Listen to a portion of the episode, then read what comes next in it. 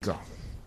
En daar is eindelose legendes daaroor oor hoeveel miljoene Chinese nou al in Afrika sou inbeweeg het uh of dat dit nie waar is dat daar so baie miljoene in Afrika is nie.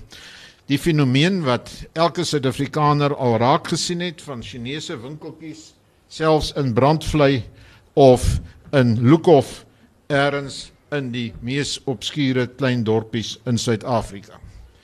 Dus dit is 'n onderwerp wat groot openbare belangstelling uitlok. 'n Beter gespreksgenoot hieroor as professor Willie Bruitenberg kan mens nie kry nie. Willie Willie kom oorspronklik daar van die groot stad Klissiesmeer, is daar al in Chinese winkel in Klissiesmeer? Yes, daar is. Kood daar is, nee. Ja, daar is kood kom ek van Klissiesmeer. Hy praat vloeiend Siswati van waar hy omdat hy van daardie wêreld afkom. Hy is in Afrika deskundige opgelei by Tukkies oorspronklik toe aangestel by Stellenbosch uh as professor in Afrika studie en hy is die afgelope klomp jare in die departement politikologie politieke wetenskap hier by Stellenbosch waar hy afgetree het en waar hy 'n reputasie opgebou het as 'n kenner van Afrika maar ook 'n persoon met 'n goeie oordeel oor die dikwels onvoorspelbare dinge in Afrika. Sy vrou Marlene Netterloops wat hier voorsit is 'n bekende skryfster in eie reg, eh, deesdae veral met die agtergrond ook van Afrika, Zimbabwe waaruit sy lank gelede gekom het. Willie, kom ons kop af. Ja. En asseblief net orde reëlings dames en here. U moet my onderbreek, u moet vir Willie onderbreek. Steek net u kloutjie in die lug en sê net wie u is en uh meld u aan en ons wil graag hê u moet ook by hierdie gesprek betrokke raak. Willie. Hoeveel Chinese is daar in Afrika? Niemand weet nie, die Chinese weet ook nie. Uh ek kan die anekdote vertel met die verwydering van Gaddafi in Libië 2011, dit is nou 4 jaar gelede. Toe uh, was daar al toe het daar 'n burgeroorlog in Libië uitgebreek. Die Chinese regering het geweet daar is Chinese burgers in Libië, hulle het nie geweet hoeveel nie. Hulle het hulle lugredery se vliegtye aangetree om wat hulle gedink het ongeveer 11000 Chinese is. Uh te verwyder soos Amerikaners en Franse en Britte ook hulle burgers wat daar was na veilige destinasies te vat. En daar is toe uitgesaai op die radio en die boodskappe is dat is uh aangekondig dat die Chinese van Libië moet net kom aanmeld en dan sal hulle vry kan vlieg op hulle eie lugdiens na veilige plekke in die Middellandse See of Midde-Ooste of selfs China toe. Groot was die verbasing dat daar is nie 11 tot 15000 Chinese wat opgedag het in Tripoli nie, maar 36000. So die punt is net die Chinese weet self nie. maar na die beste van ons wete is daar dit is maar skattings. En dit is asof die sensusse hulle nie tel nie want baie groot bevolkingslande het byvoorbeeld nog nooit sensusse gehad nie. Ek dink aan Nigerië, ons grootste bevolkingsland in Afrika. 173 miljoen word geskat deur die daar was nog nooit 'n sensus nie. 'n Ander groot bevolkingsland is Ethiopië. Mm. Uh in al twee daardie lande is daar baie Chinese, maar daar was ook nog nooit 'n sensus nie. Feit is net wat ons dink is so tussen 1 miljoen en 1.5 miljoen Chinese waarvan die skatting is helfte daarvan in Suid-Afrika is. Nou 500 000. As mens nou uh so deur Afrika beweeg en jy luister ook na mense, dan is die eerste opvallende ding dat heelwat van die Chinese mense kom in met groot staatsprojekte. Uh veral dink ek aan Angola byvoorbeeld waar die hele ekonomie veral die nuwe infrastruktuur, paaie ensovoorts alles deur Chinese gebou word. Dieselfde geld tot 'n groot mate vir Kenia waar die groot nuwe hoofpaaie rondom in Nairobi alles deur Chinese gebou word. Maar aan die ander kant kry jy ook dan hierdie klein mensies wat soos ons gesê het in Brandvlei of Christiesmeer of wat ook al in winkeltjie bedryf. Nou is hier nou in amptelike program om nou die samesweringsteorieë aan te spreek. Is dit nou 'n bewuste infiltrasie van Afrika deur die rooi uh panda uit Oos-Afrika? Uit Oos-Asië? Ons sal 'n bietjie moet wag om 'n antwoord daarop te gee. Want as 'n mens sin speel op daardie antwoord, dan moet 'n mens dalk net vra, is dit 'n vorm van neokolonialisme? Hmm. Ons weet soos toe die Portugese ingekom het, het hulle gekoloniseer en hulle settlers ingestuur, Angola en Mosambiek. Ja. Hollanders het dieselfde gedoen hier in die Kaap. Meeste van ons het seker Hollandse bloed in ons. En uh, uh maar die Portugese of althans die Chinese was lank voor die Hollanders en die Portugese hier. Hulle het toe verdwyn en hulle het weer teruggekom. Is dit nou admiraal Ge se beroemde vloot in die 15de Ja, wat uh, Amerika ontdek het 772 jaar voor Christopher Columbus. 1422 en nie 1492 nie. So hulle het die wêreld bereis. En wat Andreas nie gesê het nie in my vorige lewe as 'n akademikus was ek 'n uh, eh, dosent in volkekunde by Tukkies en ons het baie belang gestel in die opgrawings wat by Zimbabwe gemaak is, groot Zimbabwe. Die die eerste is gedoen deur 'n persoon met die naam van Roger Summers in 1957. En wat het hy daar ontdek? Uh Nederlandse jeneverbottels en Chinese porseleinwerk. Hmm. Wat dateer uit die Ming dinastie. So hulle was hier way back lank voor Mona Motapa ryk die 13de 14de eeu, maar ek het nou 'n bietjie afgewyk. Uh net om te sê die Chinese is eintlik 'n handelsnasie. Die ou wat Amerika ontdek het en die rede waarom Afrika toe gekom het. Hulle is hier nommer 1 om handelsredes. As 'n mens praat van kolonialisme, dan kan 'n mens nou maar net sê 'n uh, interessante vergelyking is Pakenham se boek oor die Scramble for Africa. Wat Pakenham sê, daar's die vier sees wat die scramble, die stormloop om Afrika in die koloniale tyd van Bismarck en koningin Victoria verklaar.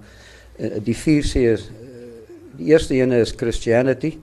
Die sendelinge loop voor. En dan civilization. Oral waar daar sulke koloniale moondhede gekom het, het hulle seker gemaak dat hulle taal gepraat word. So is daar vandag nog Portugees sprekende Afrika, Frans sprekende Afrika. Uh en Engels sprekende uit die aard van die saak. Uh die die derde C is commerce van Pakenham En die vierde ene en dit is nou waaroor ons eintlik nie weet wat dit impliseer nie, is conquest. Conquest is militêre onderwerpe om grondgebied in die hande te kry sodat jy die politieke beheer oor daardie lande kan oorneem, sodat jy beheer oor hulle metale en minerale kan kry. So is daar al gesê dat die eerste resource war in Afrika hulpbronoorlog was, die boereoorlog gewees het, gegaan oor goud. En die ander ene was Robert Mugabe se besetting van die blanke plase. Dit het gegaan oor grond. Uh en dan vandag weet ons is daar ander resource wars, hulpbron oorloë wat gaan om skaars kommoditeite, metale minerale. Olie is sekerlik kommoditeit nommer 1 en 'n baie belangrike produk in die ooste van die Kongo in die Kivu provinsies is waarvan ons selfone gemaak word coltan. Ja. Dit omtrent die enigste plek op aarde is wat wat hierdie goed wat selfone van gemaak is, klein en lig is, nie so groot soos bakstene nie dit is roesbestand en dis 'n goeie geleier is en dit word uitgevoer in die Chinese die Chinese in China self die monopolie eintlik van sogenaamde ja. rare metale het, seldsame metale het. Ja, maar hulle het nie, hulle het nie hierdie ene nie. Ja. Die, die punt is hulle kom soek in Afrika wat hulle self nie het nie. Die drie dinge wat hulle baie nodig het, afgesien nou van selfone. Die drie dinge wat hulle baie nodig het. Hulle selfone asseblief sit af. Hulle het tekort Hulle het tekort aan energie. Hulle is hulle het self 'n bietjie olie, maar hulle voer meeste van hulle olie in. En dit is hoekom hulle besondere noue betrekkinge het met olieproduserende lande soos Gaddafi se Libië, soos Sudan, soos Nigerië. Uh en dan die ander dinge wat hulle soek, steenkool kom ook hier nuttig in. Trouwens China is vandag die wêreld se grootste verbruiker van steenkool. En baie daarvan word uh, self geproduseer maar meer as die helfte word ingevoer. Uit Australië veral veral uit Australië. Australië se grootste handelsvernoot lankal al is China en dan die ander produkte wat China die wêreld se grootste verbruikers van is en die Afrika prentjie kom hier in is graan en vleis. Die onlangse vryhandelsooreenkoms wat tussen Australië en China geteken is. Ek weet nie of dit 'n misprint is nie. Dat 1 miljoen beeste sal per jaar van Australië af China toe uitgevoer word. Ek weet nie of dit so baie kan wees nie, maar as daar 1.5 miljard Chinese is, met ander woorde 1400 miljoen. Dan is 'n miljoen beeste small fry. Dan is dit nie te baie nie. Ja, maar jy vir my die interessante is wat dit sê oor die uh verbruikerskultuur wat in China aan die ontstaan is, want soos jy weet tradisioneel ja. het hulle glad nie beesvleis geëet nie. Ja. Dit was hulle het hoender geëet, hulle het vark geëet want dit is klein diertjies wat en slange. Kan, Wel, dis maar net in Suid-China. Dis en dis daarom net vir medisinale redes vir ou ooms veral.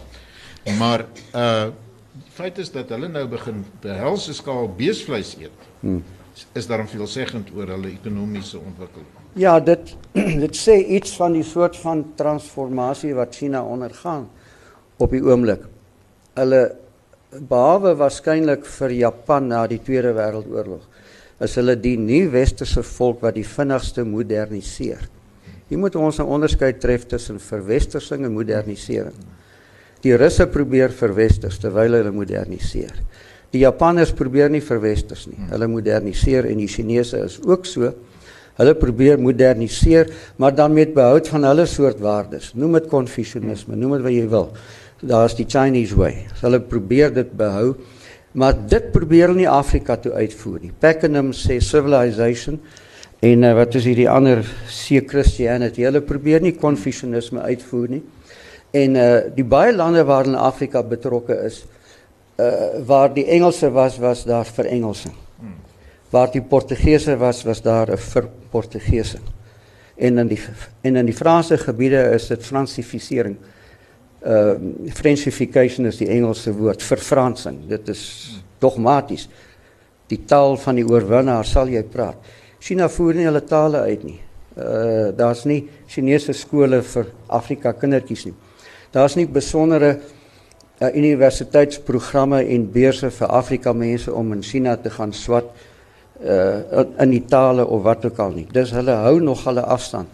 Wat vir my lyk dat die uh, wêreld Asseblief dames en here, wil jy hou tog die selfone af? Belangrike verklaring wat die Chinese wat die Chinese hier doen is UNCTAD, die United Nations Conference on Trade and Development wat jaarliks sekerlik die mees gesaghebbende World Investment Report, wêreld investeringsverslag publiseer en hulle sê vandag gaan dit oor uh, foreign direct investment direkte buitelandse investering. Dit gaan nommer 1 oor resource seeking, met hulpbron soekende. Nommer 2 oor market seeking, in ander woorde soek dan markte wat hulle by die huis vervaardig. Die Chinese voer nie rou produkte uit nie. Hulle voer vervaardigde produkte uit, masjinerie en dan verbruikersware. En dan het hulle afsetplekke nodig. Hulle verkoop hulle hemde aan plekke soos Pepkor en Mr Price. Uh maar dan gebruik hulle ook hulle eie ongeveer 'n miljoen Chinese in die Chinatowns. Kan ek net 'n opmerkingie maak dan kan ons net weer ja. aanstap. Uh daar is uh die die informele winkelsektore in feitelik alle Afrika state is die spaza winkelkonsep. Spaza winkels in Suid-Afrika is daardie informele winkels wat jy nie in die middelklas woonbuurte kry nie. Jy kry dit in die ou Suid-Afrikaanse woord lokasies, vandag townships. Dit is waar dit is dis is waar mense die spaza shops kry. En die spaza shops is hoofsaaklik die Somalis, die Ethiopiërs, die Zimbabweërs en die Mosambikers. Die Chinese bedryf dit ook, maar nie 'n enkele Chinees is 'n spaza shop eienaar Hulle stig die Chinatowns. Die Chinatowns is buite die townships. Is in die voormalige blanke woonbuurte, is in die miskien minder gegoede woonbuurte waar hulle dan in winkelkomplekse uh 'n fasiliteit huur om hulle winkels in op te sit. Dit is hoekom hulle nie die slagoffers is van xenofobie of xenofobie soos wat byvoorbeeld die uh Somalis en Ethiopiërs is wat dan nou die fout gemaak het om te gaan bly in die townships. Hulle lyk anders. Hulle bid anders. Die Somalis is moslems, die Ethiopiërs is koptiese Christene en hulle kan nie Xhosa praat nie. So hulle is onassimileerbaar en daarom hou die locals nie van hulle nie. Die Chinese is iets anders. Trouwens daar's nog net twee plekke in Afrika waar daar anti-Chinese uh, geweld en proteste was, nou die Zambië en uh, Nigerië. Mag ek vra jy noem jy het dit eintlik aangesny wil wat maak China vir die Afrikaners? Of die Chinese handel, die Chinese koneksie vir die Afrikaners uh interessant en aantreklik.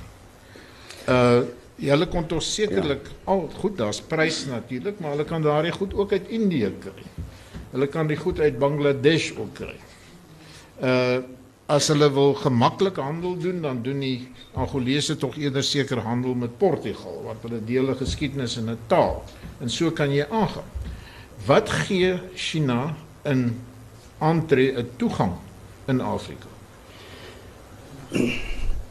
Die mense wat in hierdie soort van vraagstuk van die ontwikkelingspolitiek moet 'n mens dis 'n baie ingewikkelde vraag maar 'n eenvoudige antwoord. Die antwoord is hoe benefits. En die mense wat die meeste benefit, wat die meeste voordeel trek uit die Chinese betrokkeheid in Afrika is natuurlik China self en dan die Afrika elites. Uh die Chinese investering in Afrika jaag die waarde van die bruto nasionale produk op. En as jy die bevolking daar deel aan jy die per capita inkome. Waar die Chinese inkom, styg die per capita inkome, maar is 'n kunsmatige ding. Want as die elites wat ryk word, is die staat wat se staatskas groei en die mense op die grondvlak het bitter bitter min bate van hierdie oënskynlike nuwe welvaart wat daar is, maar is op die elite vlak. En wil jy die die weste en stort miljarde dollars hulp in Afrika. Die Chinese gee eintlik geen hulp nie. Ja. So 'n bietjie. Maar baie min. Nou dan dan lyk dit mos nou moet die weste mos nou wen in hierdie storie. Ja. Met die Zambiese verkiesing het iemand gesê en dis 'n oulike aanhaling say when the white man came to Africa, they were bad. Then the Indians came, they were worse. And now the Chinese, they are the worst. Uh, so die persepsie van eksploitering en eksploitasie bestaan nog maar hulle kom nie in sulke groot getalle nie because why ek dink hierdie groot emosionele ding grond is by ons gaan dit nog lank 'n issue wees.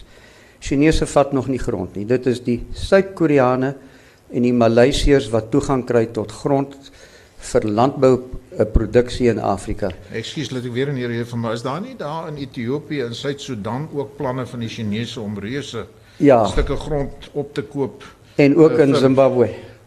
In Zimbabwe. Ook in Zimbabwe, maar die Chinese is nog nie voedselproduseerders in Afrika nie. Waar hulle is, is dit nie om die hongermassas in Afrika te voed nie, is om dit uit te voer China toe om hulle eie mense te voed in hulle uh, oorgroot stede. Hoekom ek nou net daardie vraag gevra het, ek sien jy nou Bertie. Is is dit nie so dat die weste tog voorwaardes koppel aan sy hulp?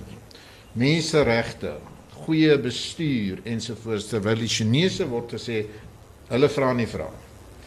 En uh maak dit hulle nie dan verder gaan bietjie verwondbaar ook As hulle nou kop in een mis is met die Dos Santosse in Luanda en met die Mugabes en met die Mugabes en met die Mengistus. En as die Mugabes dan uiteindelik uitgeskop word of die Dos Santosse verjaag word, wat is die implikasies vir die Chinese? Ja, speel hulle musical chairs. Dan wag hulle so 'n bietjie soos nou in Sudan, dan kyk hulle wie die burgeroorlog gewen en dan is hulle weer goeie vennote van wie ook al nou daar wen. Hulle het nog nooit kant gekies rondom menseregte en goeie regering nie. Trouwens daar is tog twee voorwaardes wat hulle stel. Een is 'n politieke voorwaarde. As jy amptelike betrekking met Taiwan het, breek dit af. Ja. Want China en die Taiwan ding meer wie is die eintlike China?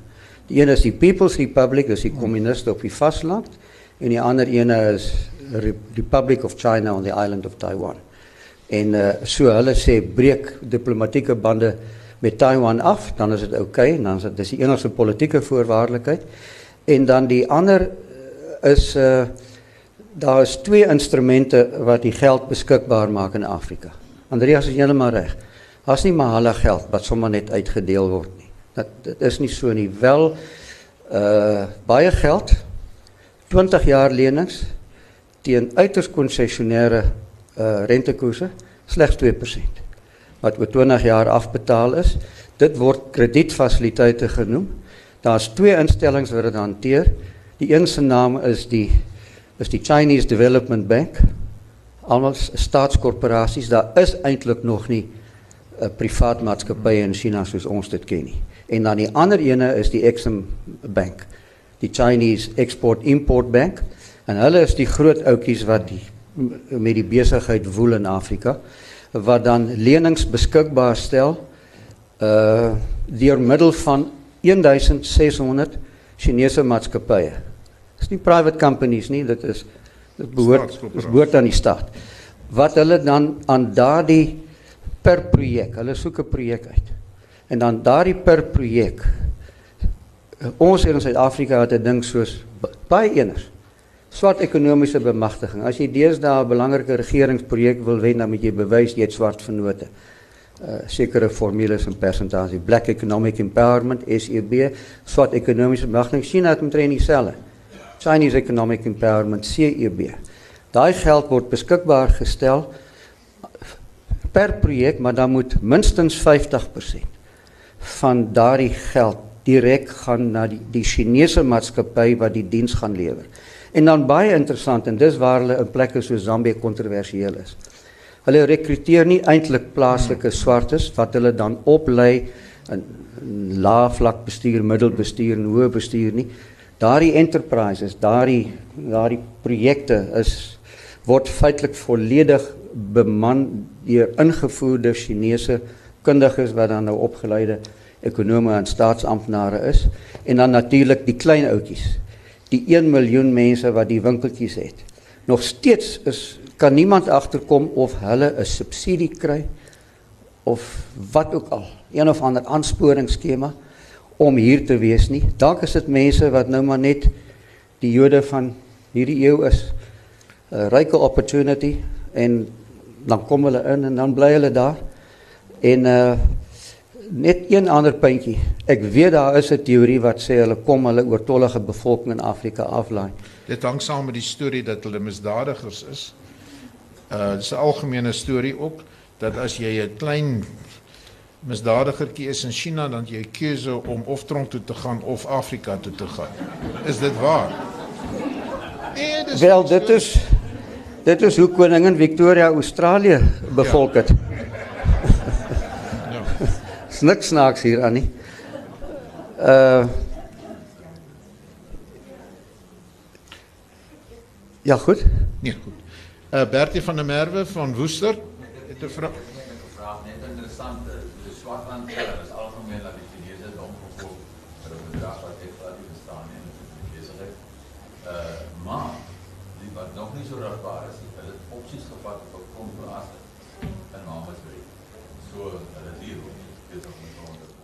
Ja, hulle is ek ek aanvaar dat ek weet ook hulle is stel al belang in grond. Nou wonder ek net of Zuma se grond beperkings op buitelanders op hulle betrekking het. Ek is nie seker nie. Ons sal moet wag en kyk. Feit is net die Chinese as 'n mens hulle soort van strategie net met een woord moet opsom dan is dit langtermyn. Ja. Hulle dink langtermyn. Hulle hele ingesteldheid, hulle waardesisteem is langtermyn, streng aan gesag verbonde uh vat nie nonsens van kabouters nie. Uh dis hoekom Leninisme vir hulle werk. Maar interessant onder Mao wat China nou die groot moond uitgemaak het. Mao het aan bewind gekom in 1947. Hy het 21 jaar regeer tot in 76 toe hy dood is. Die ou wat by hom oorgeneem het, is die ou wat eintlik met hierdie ekonomiese hervormings gekom het. Toe het Marxist Leninism. Ding. Marxist Leninism. Ja, dit het Deng Xiaoping. Het Marxist Leninism market Leninism geword. Noem dit maar kapitalistiese Leninisme. Die politieke staat is Leninisties. Een party Geen vrye pers nie, geen keuse by die stembus nie, is net plaaslike vlak waar daar verkiesings is. Hulle het 'n reuse groot parlement van 1048 mense wat almal genomineer is, almal lede is van die Chinese Kommunistiese Party, so met ander woorde streng gesag, dis Leninisme. Maar waar Marx hom met ekonomie en ongelykheid en welvaart en sulke goed besig gehou het, het Mao hom ook nog daarmee besig gehou en toe agtergekom nee, dit werk nie vir ons nie. Ons is 'n ou handelsvolk.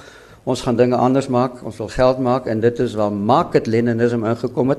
Vandag kan ons dit noem kapitalistiese leninisme want oral waar hulle is, maak hulle geld en they love it. En dit werk eintlik beter dit die Russe probeer het om dit anders om te doen. Ja. Uh Dr Etienne Brits daar agter, hy was lank in China gewoon. Ja, vertel ons Etienne.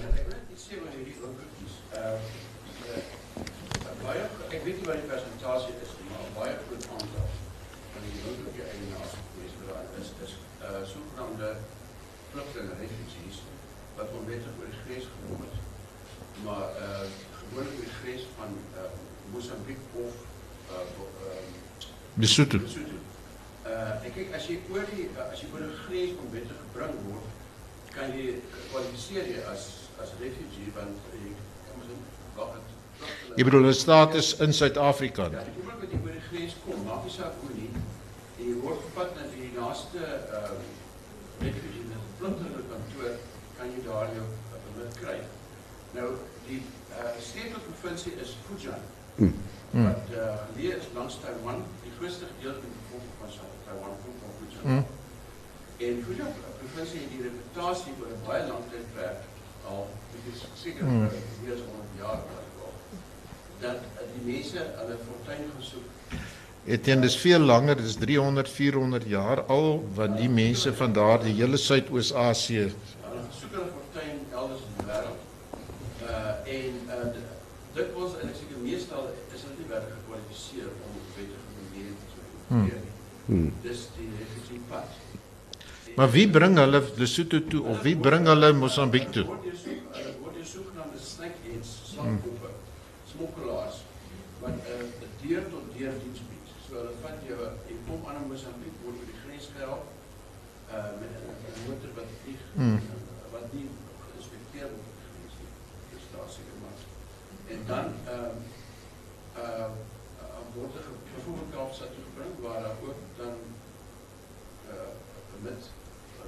Ja, tot hier. Nou, dan- dan natuurlijk daarna is er nou onderneming aan die wetgeving maar toepassing op, op, vluchtelingen. Op asiel Maar- asielante. maar het kan werk. Ehm, als er mensen bij die ook iets komen, vraag maar voor die persoon door van voedsel af. Voedsel af. Ja. Maar ze zullen of het 12 van mij, maar of het is ja. Ja. Hmm. Dit is niet noodwendig mensen wat uh, organiseren, hier organiseren, ze is regering, ook wat die zullen. Ja, so het ek dit ook gehad. Dis nie 'n Chinese projek nie. Ja, nee. Ja. En, uh, die Chinese regering moet hulle samewerking eintlik in die Ja. Gewoonlik vertrek hierdie mense ook vanuit lughawens in China wat waar daar nie die goeie masjiene is wat die vervalste dokumente so maklik kan Mm. raas nie. Hulle is spesiale lughawens en daar vervoer word Hmm. deur deur Maar jy sien nou gee jy vir my lig op 'n onderwerp wat my geïnteresseer het en wat 'n eeue oue patroon is. Daar is selde mense uit Fujian of Fujian uh wat in Indonesië inbeweeg het, wat in Thailand inbeweeg het, wat nog 'n derde van die bevolking in Thailand uitmaak, die sogenaamde foreign Chinese, nee, in die hele Suidoos-Asië. Het 4, 5 eeue gelede al daai selfe paadjie gevolg. Ja, ek het net een ding kort gesê, die feit dat hulle op die manier inkom beteken nog nie dat dit slegte immigrante is. Nee, nee, nee. Uh, hulle, hulle hier is mense het ten minste inisiatief. En uh hulle is nie uh, van hulle sou seker in misdaad betrokke kon wees, maar byvoorbeeld baie persentasie van die bevolking kom. Ja. Voedselise. Dit is Ja. hulle ehm hulle hulle bedoeling is ook dat hulle familie hierso vestig gaan weg. As ons maar 'n ouma of kind. Ek kan ding sê en, en daar's 'n daar's 'n gedeelte van die Vrystaat daar 'n klomp Chinese woon en hulle kom almal by dieselfde presies dieselfde plek in Ja. in provinsies. Ja, ja, ja. So hulle is eintlik om uh iets op te bou. Ja, ja. Dis nie hulle bedoeling is nie iets op te bou. En dis hoekom die uh, uh, mense uit Fujian spesifiek uh, ook bekend is as the Jews of East Asia. want hulle het dieselfde patroon wat gevolg as wat die Joodse handelaars eintlik wêreldwyd gevolg het uh vanaf voor die geboorte van Christus. Ons ekonom. Stel jouself voor asseblief Rodolf. Rudolf Gous.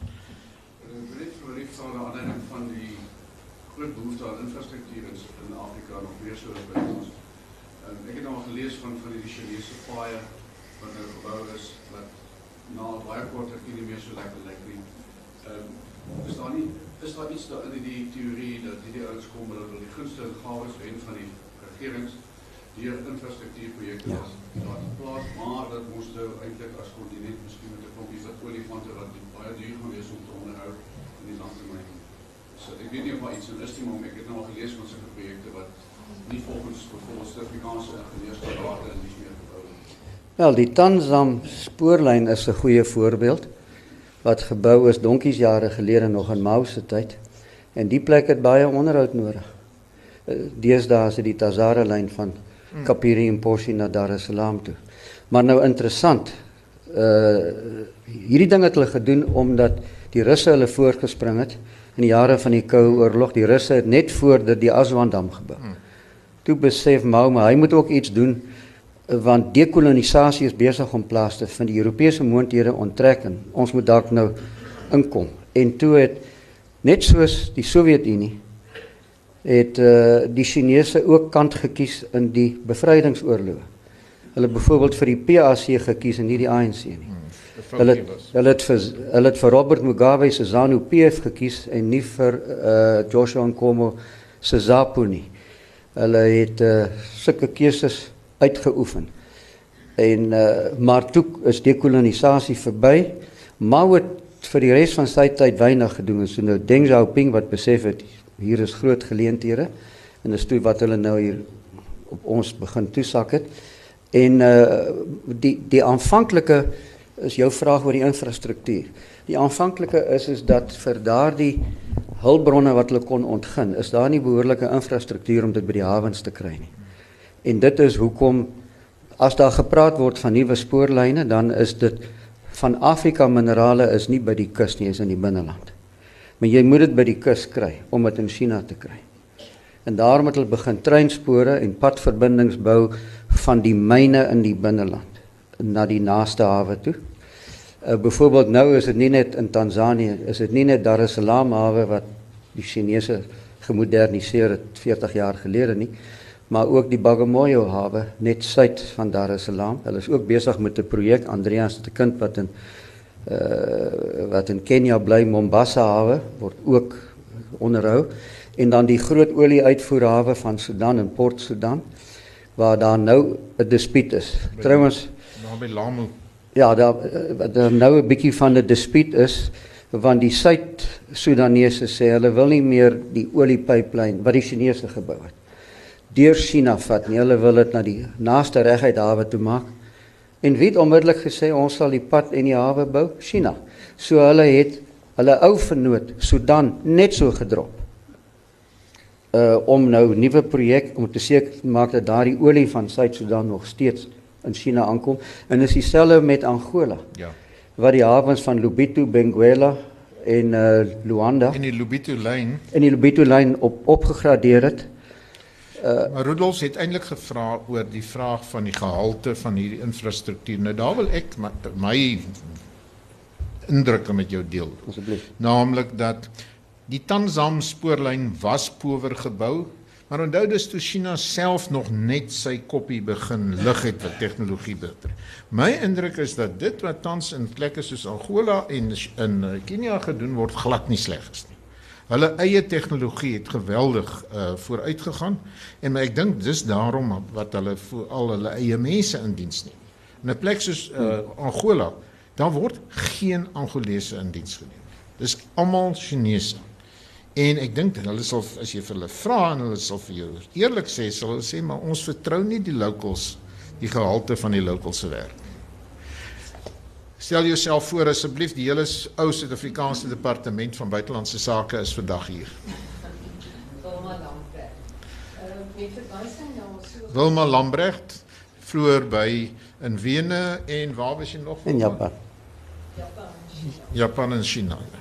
Uh, met verwijzing naar zogenaamde vluchtelingen uit die Fujian provincie.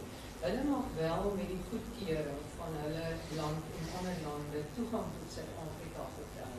Maar die feit dat hulle die winkeltjies hier bedryf, is dit met indirecte goedkeuring van douane en aksies. Hoe word daardie ware ingedruk en word daar belasting? Ons moet Ons Mm. indirecte ingang. ons moet vir Zuma se spies vra. Hoe werk dit? Want niemand weet nie. Nou mag ek vra juis, dis sou Wilma met jou indruk, uh, dat jy nou daar in die wêreld gewerk het. Uh sou die BRICS koneksie dalk 'n verskoning bied om te sê goed, ons is deel van BRICS en dit beteken handel word gefasiliteer, dit word makliker gemaak. Is dit nie waar die die verskoning waaronder hierdie ware toegelaat word nie? Dis my indruk, ja. Moet dit goedkeur, mens is dit toelaat. Die pers skryf daaroor nie. En dit is nie kontroversieel in die sin dat die plaaslike swartes uh xenofobies is nie. Want hulle bly nie in die townships nie. Hulle bly by hulle winkeltjies in die woonbuurte.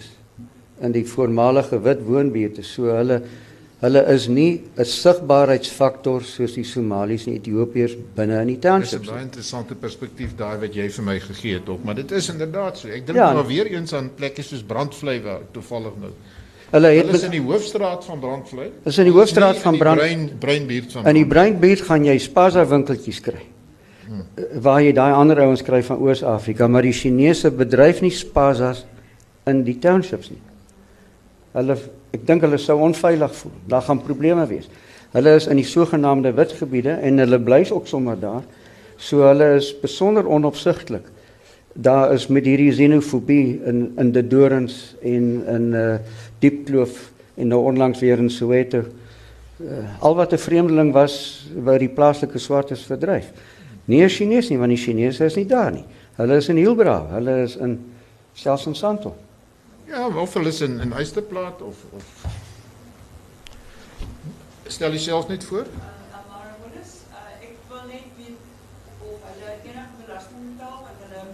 hulle gee nie Kwitansie. hulle ja, hulle vorder nie wet in nie en uh, dit lyk of hulle die geld in 'n sak sit op 'n Zuma se sak. Ehm. Wie weet die antwoord daarop? Ek weet nie of hulle BTW betaal nie. Ek dink Maar dit wat hulle aankoop, kyk, nie alle produkte wat hulle koop word van China af ingevoer nie. Dit wat hulle aankoop, koop hulle, dit weet jy, koop hulle groot voorraad aan by van hierdie uh groot voorraadwinkels ja. voordat dit nou retail, kleinhandel word. Daar moet hulle nog steeds hulle 14% BTW betaal. kyk, dis die slimheid van Ek dink dan bou hulle dit in in die prys. van die BTW stelsel, nê, dat hy uh, word belas op elke skakel van die ketting. So al ver, ver, verneek die laaste skakel in die ketting uh met die betaling. Dan vang die staat hulle op die vorige skakels Ja. van die ketting. Dis vergeleke met die ou algemene verkoopsbelasting van vroeër wat net op die laaste skakel gehê het. So u is goed reg. Ek weet nie hoe effektief die uh inkomste diens nog is deesdae. Ja. Dit is juis waar die inspekteurs dan kom en effektiwiteit van SARS natuurlik dan besprake kom. Ja. Kollegas nog hiervoor is ook. Stel jouself net voor. Uh, is Konrad Heinz en ek uh, werk by die universiteit in Londen. Uh omtrent 40% van ons studente is internasionaal. Watter vakgebied is u? Uh dis uh Universiteit van die Kunste. O ja. So state colleges. Ja. Ehm die meeste van die studente is van China. En uh, eintlik baie van die universiteite in Ja ja. ja, En- Chinese. Hoe staan sake hier in Suid-Afrika? Kom daar baie studente hier? Ek ekskuus, hier moet ek miskien maar 'n bietjie antwoord, wil in die antwoord sin jy. kyk. Uh ons is die enigste universiteit in Suid-Afrika wat 'n leerstoel in Chinees het. Dis natuurlik standaard Chinees alias Mandarijn. Mandaryns. Dit het begin 'n interessante koneksie deur Koos Becker. Dis toe ek rektor hier was en Koos Becker het met sy strategiese denke gesê die toekoms lê in China. En dis hoekom Naspers natuurlik so ryk geword het, uh naamlik deur Tencent. Nou Koos het toe gesê die to- toekoms vir die wêreld eintlik uh, lê in China. En ons moet daardie koneksie ontwikkel op 'n akademiese vlak. En hy het toe 'n leerstoel Naspers het 'n leerstoel gefinansier hier aanvanklik met 'n lektoraat uh in Mandaryns in alias uh, in standaard Chinese. En uh dit is waar ons koneksie begin het. Die Chinese ambassade was baie ywerig om dit te ondersteun. Ek is destyds nog as 'n amptelike gas uh vir 4 weke het ons deur China gegaan van Genaan af dwars deur al die obskure uh binnelandse provinsies en toe het ons hier by die universiteit nou 'n Confucius Instituut gekry. En uh dit is soos jy weet amptelik soos die British Council of die Goethe Instituut of wat ook al van die amptelike uh kultuurorganisasies. So hulle probeer wel wil hulle kulturele invloed uitoefen maar op 'n hoë vlak, nie ter wille van akademiese koneksies, nie ter wille van kolonisering hier op die grondvloer. En wat ons nou gebeur, ek gee nog klasse in die regsfakulteit byvoorbeeld van tyd tot tyd kry ons op die LLM klasse Chinese. Daar's by ingenieurswese uh, Chinese studente. Maar dis nie die strome wat jy na Australië kry vir wie dit 'n besigheid is nou wie jy Brittanje kry nie, want ek dink ten slotte ook vy Afrika is vir die Chinese intellektuele goed was my ervaring maar 'n duister wêreld. En jy kan hard probeer verduidelik dat Nanvy iets anders is as die res van vy Suid-Afrika. Maar daar is 'n drempelvrees uh vir misdaad en die goeters praat ek van in die uh noem dit meer ontwikkelde Chinese kringe wat maar baie sterk is. Ek sien. Etienne. Is Ja. Die Chinese het die begrip guanxi. Mm. Jy dra 'n soort geskenk, iets wat waardeer sal Ja. word, wat is by tot 'n verhouding. Mm. Voor die verhouding met wat werd. En ek dink dit is dit is 'n gedeelte van van die doel van die Chinese kant van die Ja. fasiliteit. Hulle hulle hulle geen hulle leer nie. Hulle het die Chinese klas aan. Ja, nee, nee, ja. Baie werd is. Maar dit is 'n soort guanxi.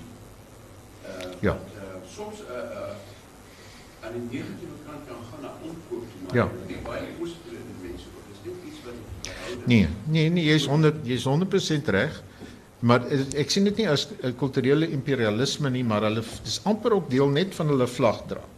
As die Britte British Council plekke het en die Duitsers het Goethe instituute en die Franse het Alliance Française plekke, hmm. dan gaan ons wat China is ook Confucius instellings hê. En dis maar soos die Goethe instituut, jy leer nie net Goethe by Goethe instituut nie. Willie, kom, nog vrae. Opmerkings. Ons tyd, ons het nog 5 minute. Uh stel eens, o, hallo Pieter Huisteen van Johannesburg. Pieter van Huisteen in die Ons ons praat van die klein Chinese winkeltjies en so maar wat my baie interesseer is die is die ehm uh, mededingende voordeel vir die Chinese vir corporate China, die die koöperatiewe gedeelte. Ons het gesien wat die Chinese doen vir Singapore oor jare, ook in Maleisië.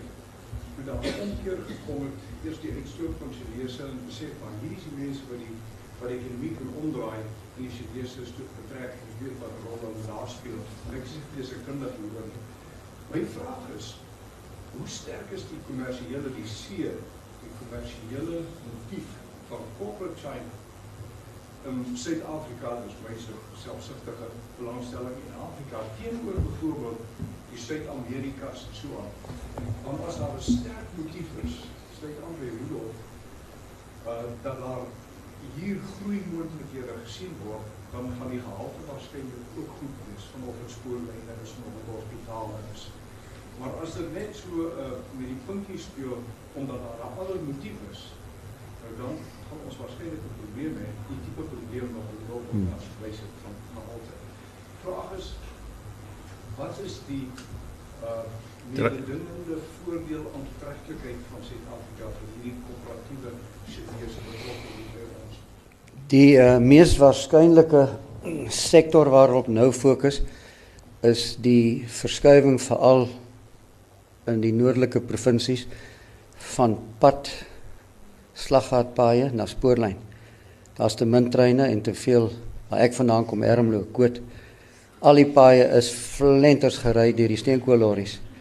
Nog in Prav en Gordon se tyd is daar 'n 600 tril, uh, miljard projek oor aantal jare aangekondig wat dan nou veral te maak gaan hê met die vervanging van ons lokomotiewe met Chinese, dis corporate. Ja. Met Chinese lokomotiewe waarvan gedeeltes in Suid-Afrika gebou gaan word. Dorbuil en ook by uh Kuduspoort waar hulle in die ou tyd ook treine reggemaak het. Uh so daar is big money in. Dit lyk net vir my asof die volgende fase van SEB, saad-ekonomiese bemagtiging, sou Ramaphosa hulle se verslag en die wetgewing Aanvanklik was dit myne en toe is dit bankwese en dit lyk nou vir my dis nou fisiese infrastruktuur en die groot partner daar is China. Dit was dis my bietjie vreemd dat uh, Zuma met die met die kern visies wat hy het nou gaan pelletjies maak het met met die Russe. Uh, my modelletjie sou gesê het kyk China toe en dis waar dit vandaan gaan kom. En uh so vraag het die Chinese kernkragkundigheid. Ek ek vra nou, ek weet nie. Uh wie van julle het die antwoord? Het hulle kernkragkundigheid? Ek meen ons weet die Japaneese het. Ja, maar hulle is nog soos ons steenkool gedrewe. Ja. Krag. Hmm. En hulle het 'n groot behoefte aan steenkool, dis wat hulle invoer. Maar in elk geval die groot ding is is daardie projek. Duidelik is daar groot belange tussen hulle korporatiewe sektor en ons groot maatskappye wat in spoorlyne en in 'n uh, eh, elektriese elektries Eskom elektriese uh, stoom of, of elektriese treine geïnteresseerd gaan wees maar dit is die volgende groot golf big wave wat gaan kom in terme van die interaksie tussen ons en hulle ek wil dan net feitelik laastens sê Suid-Afrika is China se grootste uh handelsvernoot wat direkte investering betref in die hele Afrika en is nie in mynwese nie in die bankwese. Die 20% wat China besit ja, in Standard Bank. Ja. Dis die grootste enkele investeringstransaksie wat China van Mao se dae af tot nou toe gedoen het is die belegging wat hulle gemaak het in Standard Bank. Wie is die Chinese belegger daar? Is ICCB. Is, ICCB. Dit is die uh, International Chinese and Credit Bank. Ja. China. Ja. ja collega's die tyd word uh, ons word aangetree daarvan agteraf. Ek sal 'n laaste vraag opmerking uh toelaat. Wie as net vir die kernkrag kan wat dit betref weet jy dis nie gesag hebben maar toe ons hier besig was met die moontlikheid van die korrelbed van O ja. Ja. Uh, wat ja. So baie goeie redes. Gestaak. Gestaak. Die Chinese het reeds 'n loodsaanleg gebou en uh, hulle het 'n kernkundigheid hulle maak gebruik wel van westerse kundige uh, maatskappye ook maar daar is baie baie skerp kernkundigheid binne China ja wat hulle self in die kernkrag Nee, ek wil dit sê baie dankie Pieter. Uh dat daar wel kundigheid in China is, maar dat dit uh ek my indruk is dit is nog nie op grootskaalse kommersiële vlak. Maar ek wil net sê dat my indruk destyds was dat die Chinese universiteite besig was om ook 'n geweldige opwaartse neiging te toon. Daar's geweldige verskille in in Beijing, het jy veral die twee groot beroemde universiteite, die ja. Universiteit van Beijing en dan Tsinghua, uh wat werklik op wêreldvlak opereer. Jy het ook in Shanghai, het jy Fudan wat ook op wêreldvlak opereer. Maar die interessante vir my is dat hulle sal jou vertel dat die helfte van hulle jaarlikse produksie van M studente wat soort van die finale eksamen amper is vertrek op die volgende vliegtuig na hulle grade dag vertrek hulle Amerika of tot 'n mate Kanada. Ja. Maar hulle is nie hulle is ja, maar Australië bietjie minder, maar die Australiërs ook.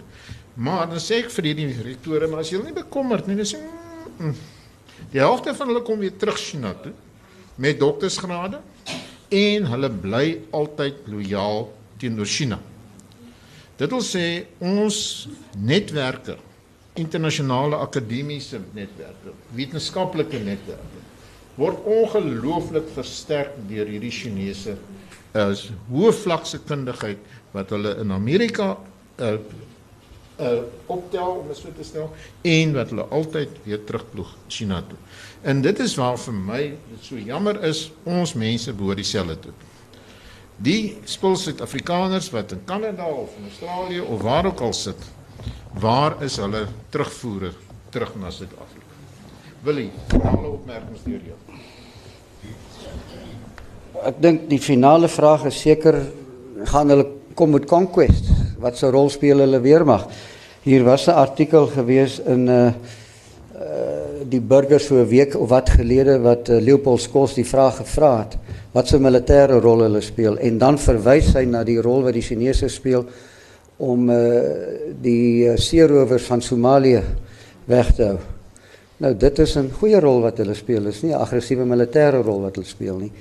Hulle is hulle is nie danig met die VN se vredesoperasies waaraan deelnemende lande met soldate afstaan en ons doen dit. Hulle is nog net in twee plekke betrokke deel van die VN en hulle is een van die groot 5 in die Verenigde Nasies. Die een is in Liberië en die ander een is in Suid-Sudan. Nog net in een plek in Afrika die afgelope 20 jaar is nou sedert die bevrydingsoorloë verby is waar hulle op 'n bilaterale vlak uitnodiging gekry het om troepe in te stuur by 'n plek en dit is omdat hulle self die oliepyplyn tussen Suid-Sudan en die uitvoerhawe Port Sudan gebou het en die rebelle van Suid-Sudan daardie uh, oliepyplyn aanhoudelik saboteer het die Sudanese vir die Chinese gesê, "Please, kom terug. Geef vir ons die soldate om daai pyplyn op te pas." So daar is werklik met die beste van ons wete nog geen aanduiding van 'n aggressiewe militêre rol wat hulle wil speel, soos in die koloniale tyd was dit Pakenham se 4de see conquest. Ek voorsien nie conquest in die koloniale sin van die woord nie. Wel moet conquest van markte, maar dis 'n ander ding. Kan ek sê baie dankie Willie. Dit was nou werklik vir my een van die lekkerste gesprekke.